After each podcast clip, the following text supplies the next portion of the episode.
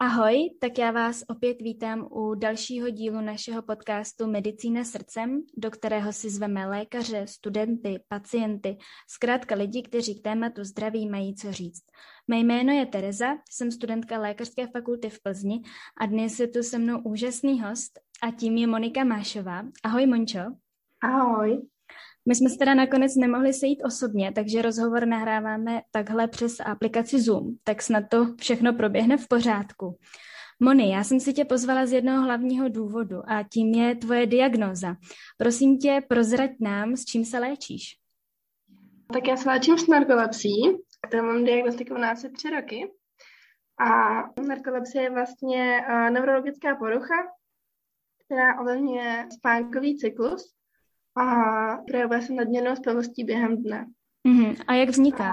A, a vzniká nedostatkem hypokretinu v mozkomíšním moku, a který vlastně reguluje ten režim bdění a rem spánku. Mm-hmm. Jak časté je toto onemocnění? Um, no, je celkem vzácný. Trpí tím 2 až 5 lidí z 10 tisíc. Hmm. Což jsem teda z toho sama překvapená, protože už vlastně v rodině uh, jsem vlastně třetí člověk. Hmm.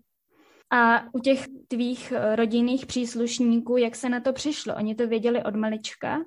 A teta, babičky, sestra, tak ta už to má potvrzené od nějaký ty puberty, kdy taky vlastně měla nadměrnou spavost a kataplexie. Takže vlastně tato léčí doteď, nebo jako tlumí uh, ty příznaky. A pradědeček, vlastně tety, tatínek, tak tento nikdy neměl teda lékařsky potvrzené, ale podle všech těch příznaků se domníváme, že to tedy uh, měl. Mm-hmm. Jak se na to přišlo u tebe? U mě to trvalo celkem dlouho, než se přišlo, že to je narkolepsie.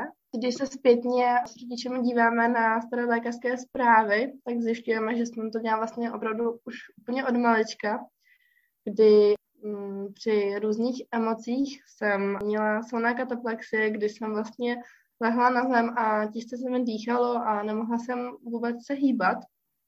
A už vlastně jako malečka jsem s tímhle naštěvovala neurologii, kdy uh, se mi dělaly různé vyšetření, ale nikdy se to nepřisuzovalo narkolepsii. Hmm. A já jsem to začala řešit uh, kolem tak toho 18. roku, kdy jsem přišla na vysokou školu a měla jsem opravdu nadměrnou denní spavost a už se, se toho začalo všímat nejenom okolí, ale hlavně i já, protože jsem usínala třeba při chůzi nebo při jídle, kdy už to prostě nebylo normální a to, že jsem si šla po škole lehnout na hodinku, mi nikdy nepřišlo jako neobvyklý. Hmm. Takže jsem vlastně šla ke svému obvodnímu lékaři, tam tomu jsem sdělila uh, veškeré moje příznaky a, a ten mi vlastně sdělil, že je to normální, že prostě patří k přechodu na vysokou školu a to bylo všechno. Potom po nějakých uh, třech měsících jsem naštívila vlastně obvodního lékaře znovu, kdy vlastně jsme dělali vyšetření štítné žlázy a nic se nepotvrdilo. A, a pak jsem to tady neřešila další dobu a poté se mě všimla moje vyučující vlastně lékařka, která se zaměřuje na internu a všimla se toho, že jsem na jejich přednáškách usínala a vlastně začala se mnou tento problém řešit. A ta zjistila, že mám vysokou hladinu kortizolu, což je vlastně stresový hormon, takže mě poslala na vyšetření na ledvinek a všechno se uh, potvrdilo, že jsem v pořádku. Mm-hmm. A a pak jsem šla tady znovu k obvodnímu lékaři a to mě tady už eh, doporučil uh, k neurologovi. Mm-hmm. A paní neuroložka hned z první návštěvy prostě se byla jistá, že se jedná o nějakou spánkovou nemoc a doporučila mě do spánkové laboratoře v Praze a na magnetickou rezonanci. Mm-hmm. A tam se teda zjistilo, že trpíš narkolepsí. Ano, ano. Vlastně z mozkomíšního moku a z genetických testů. Mm-hmm. Teď mě napadá, dá se vůbec uh, tvoje onemocnění úplně vyléčit? Nedá, a dají se pouze potlačit příznaky. Vlastně už to nikdy nevyléčím. Mm-hmm. Ty jsi už zmínila, uh, že trpíš typem 1 a existuje i uh, nějaký další typ té narkolepsie? Ano, narkolepsie se dělí na dva typy. Na typ 1, což je s kataplexí, a na typ 2 narkolepsie vlastně bez kataplexí. Mm-hmm. Kdy se to projevuje jenom tou nadměrnou spavostí a často se projevují halucinace nebo spánkové obrny. Mm-hmm. Takže ty máš ty kataplexie. Uh, jak se to projevuje?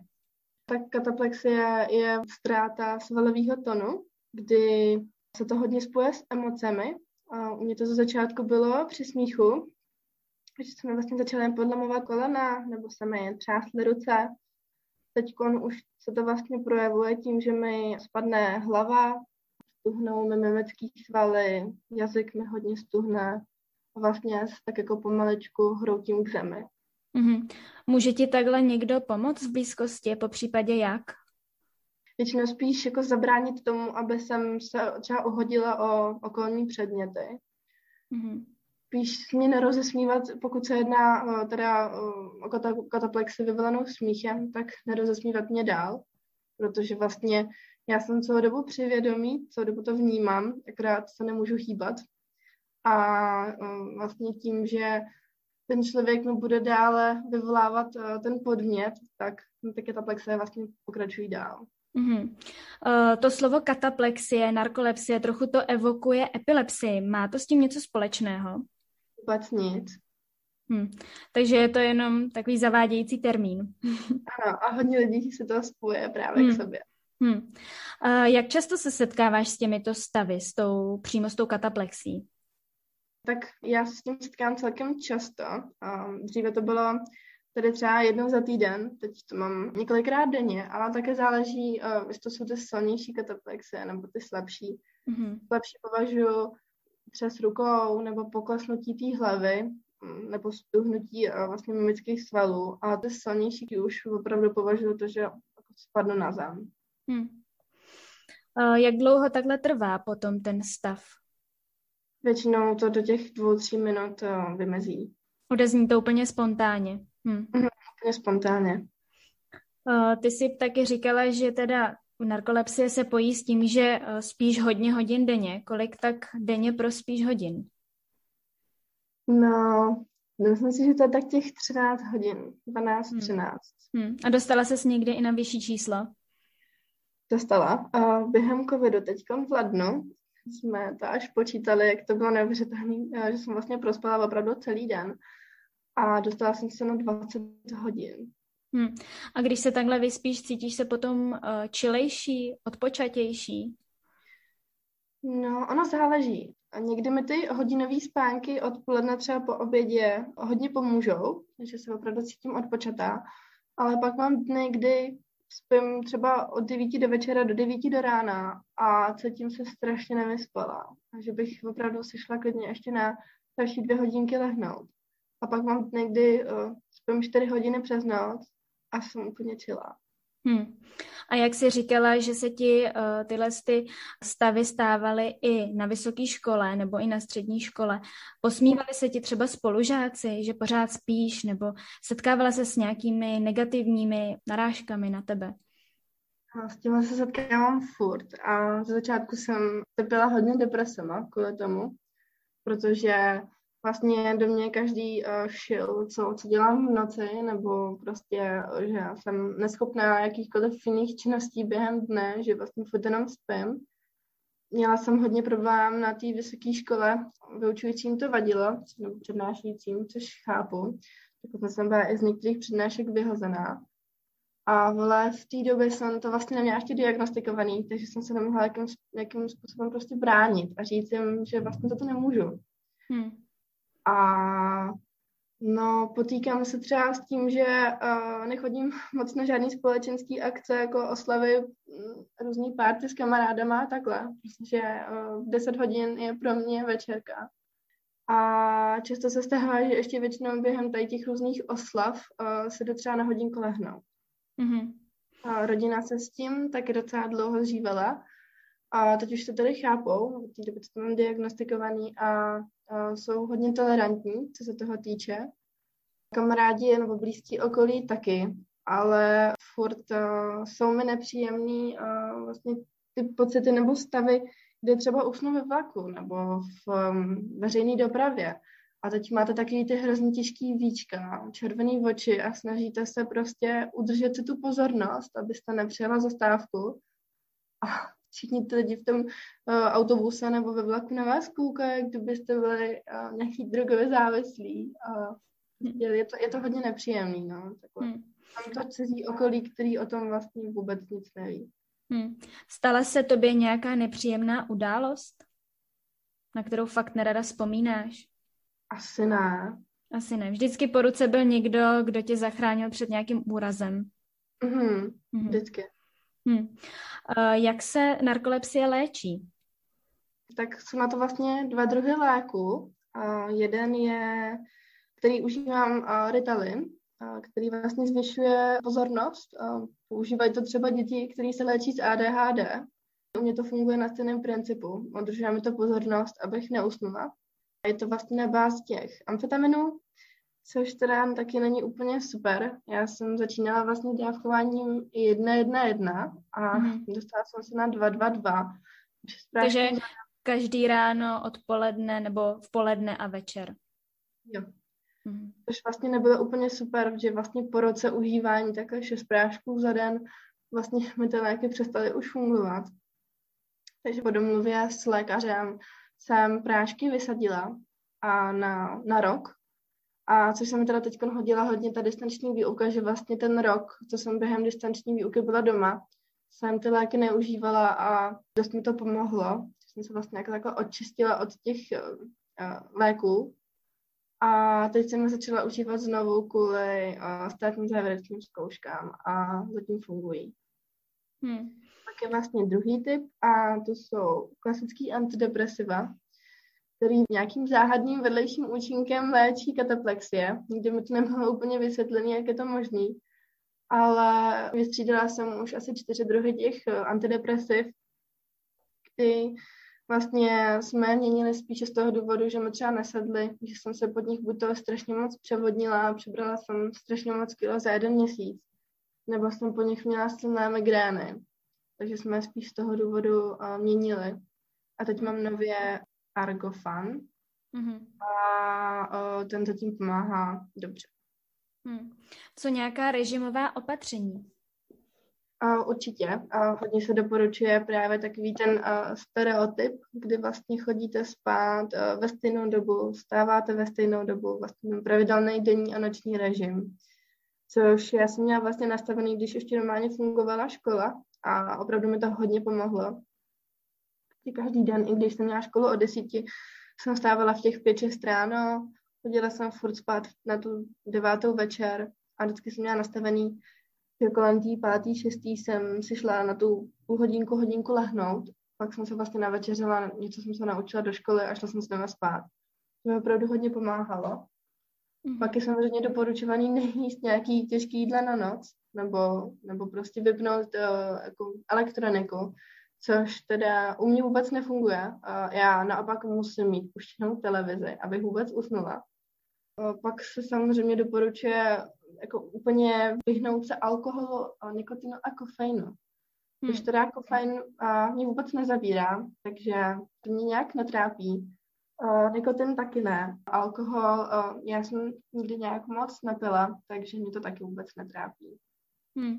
A já vím, že ty jsi si pořídila i pejska. Bylo to z toho důvodu, že si právě chtěla někoho mít doma u sebe, kdo by tě třeba takhle zpestřil ten den? Uh, jo, uh, bylo to tak plánovaný. Uh, musím říct, že se to potvrdilo, uh, je to super, uh, protože mám už tu potřebu, uh, tu povinnost uh, jít s ním brzo ráno ven, uh, jít s ním taky odpoledne na procházku a nejít se lehnout uh, na gauč když jsem třeba i zkoušela, nebo prostě jsem předstírala kataplexie, tak ona to reaguje úplně suprově, že ke mně vlastně okamžitě běží, snaží se mi vlastně olizat obličej, aby se mě snažil probudit. Hmm. Vlastně je to takový lepší pocit, že i nejste doma sami, že kdyby se cokoliv prostě stalo, měla bych ty kataplexie, tak uh, vím, že prostě on tam je. Hmm, tak to je skvělý, to je super. Ty by si určitě doporučila narkoleptikum pořídit si nějakého domácího mazlíčka? Um, jo, myslím si, že určitě je to super. Uh, ten pejsek si myslím, že je právě vhodný společník pro to. Právě, mm. aby vás to dohnalo uh, nějakým způsobem k té fyzické aktivitě a vyhnout se spánku. Když už jsme teda u té fyzické aktivity, můžeš sportovat úplně normálně, běžně? Můžu bez jakýhokoliv omezení. Hmm. A neusneš třeba při jízdě na kole? Nemůže se ne. to stát? Ne, určitě ne. Co studená sprcha? Ta tě nabudí? Vůbec. Zkoušela jsem tyhle z té rady, neosvědčilo se vůbec nic, ani studená sprcha, ani kofein, ani sladký, nic toho vůbec nepomáhá. Nejlepší je prostě zavřít na chviličku ty oči a dopřát tomu tělu ten odpočinek. Hmm. Jak dlouho třeba takhle potřebuješ ten odpočinek, aby si potom se zase nastartovala? A někdy mi stačí půl hodinky, někdy hodina, někdy dokonce dvě, ale spíše to ta hodina v průměru. Hmm. Já ještě teda řeknu našim posluchačům, že ty studuješ vysokou školu, teďka akorát budeš státnicovat. Eh, jaký obor studuješ? Uh, studuju ortotiku protetiku uh, v Plzni na Západočeské univerzitě. Uh-huh. A proč jsi vybrala tento obor? Uh, přišlo mi to jako velice zajímavý a vlastně já jsem ze střední zubní technik a ten princip vlastně těch náhrad se mi hrozně moc líbil, akorát jsem to chtěla vlastně rozšířit na celé tělo, takže uh, jsem se přihlásila do Plzně, kde to je jako jediná škola s prezenční výukou. Že jinak je to v Praze jenom uh, dálkově. Uh-huh. A prozrať nám, jak probíhají na takovéhle škole přijímačky. Uh, přijímačky jsou přehled v biologii. Uh, je to asi 100 otázek uh, obecního přehledu. Uh-huh. Jsou proto nějaké modelové otázky, ze kterých se dá učit? Fakulta připravila kurz vlastně před přijímačkama, kam se můžete přihlásit a oni s vámi všechny ty otázky projíždějí, připravují vás na ně, všechny okruhy projíždějí a je tady možnost se tam přihlásit nějaký dva měsíce před přijímacími zkouškami, takže to máte ještě čerstvě zažitý v hlavě. Hmm. Bylo pro tebe studium na vysoké škole náročné, co se týče tvého onemocnění? No, uh, celkem No, jak to, jak to pojmout? Uh, přednášky uh, byly asi pro každýho celkem náročný, protože jsme byli opravdu od 8 od rána třeba do 6 do večera, uh, kdy jsme měli třeba jenom hodinovou pauzičku, ale uh, já si myslím, že jsem to zvládla uh, hodně dobře, protože jsem k tomu měla ještě takovou menší brigádu v kavárně, hnedka vlastně vedle školy, protože uh, jsem potřebovala nějaký peníze navíc a myslím si, že jsem to zvládla jako skvěle, no. Akorát tady opravdu jsem přišla po tom dnu už úplně vyštěvená a byla jsem ráda, že jsem si mohla konečně lehnout po celém dní. No a to, eh, to kvantum učiva si stíhala úplně normálně jako tvoji spolužáci? Hmm. Hmm. Jo, to bylo všechno bez problémů. Tak to si šikovná. Takže s narkolepsí se dá v podstatě normálně žít. Normálně fungovat, normálně žít, jenom vlastně stačí nastavit eh, ten, ten režim denní. Mm-hmm. Mně napadá, jak to budeš mít v budoucnu s prací. Bude tě to nějak omezovat v práci?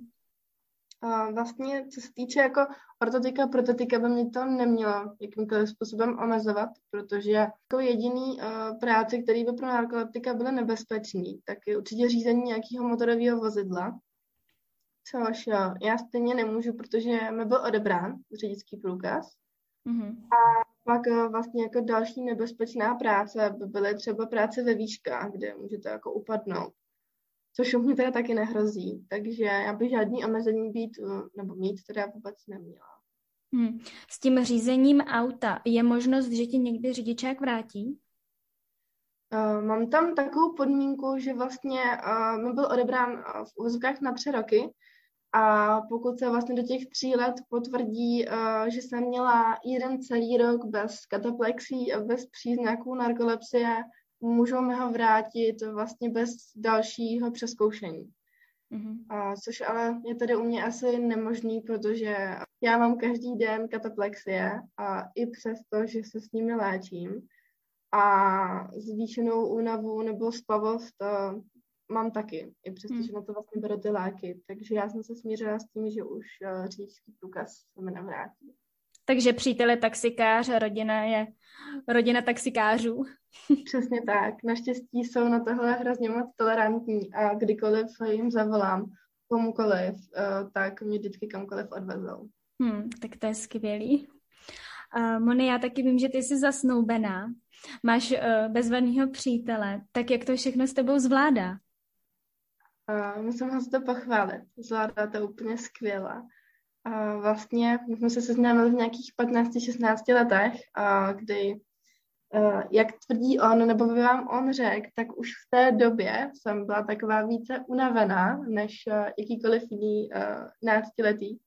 A, takže on říkal, že vlastně už od začátku tušil, že jako je něco špatně se mnou. Zvyknul se na to a nechávám mě kdykoliv se lehnout. Vlastně všechny jízdy v autě s ním prospím. Naopak mi ještě koupil uh, polštářek za krk, aby jsem se nelámala hlavu. A uh, úplně, úplně skvěle mi s tím pomáhá, i co se týče kataplexí. Mm-hmm. Zachránil tě někdy už takhle při nějaký kataplexii? Ano, určitě. A, a, minule a, se mi stala taková nehoda v koupelně, kdy jsem si lekla pavouka a vlastně boucha jsem se dost umyvadlo. A nebýt tam on, tak si myslím, že by to dopadlo mnohem hůř. Hmm. A vlastně s kataplexem mi pomáhá úplně skvěle v tom, že uh, se mě vždycky snaží odreagovat. Um, přijde ke mně uh, nebo zabrání vůbec tomu, abych spadla a pokud teda spadnu, nebo spíš už jakoby sama jsem radši, když ležím na té zemi, a že mám taky větší pocit bezpečí, že jako už víc spadnout nemůžu, tak většinou spíš ke mně jde a uh, vlastně mluví na mě, hladí mě, že to bude všechno v pořádku, vlastně snaží se mě odreagovat, aby jsem už na to nemyslela, na tu věc, hmm. která mi tu kataplexii vyvolala. Hmm. Tak jo, Moni, moc krát ti děkuji za krásný a upřímný rozhovor. Přeji ti, ať se ti daří, ať zvládneš státnice, ať máš pevné nervy. A budu slyšet příště u dalšího dílu Medicína srdcem. Já taky moc děkuji za hezký rozhovor. tak ahoj. Ahoj.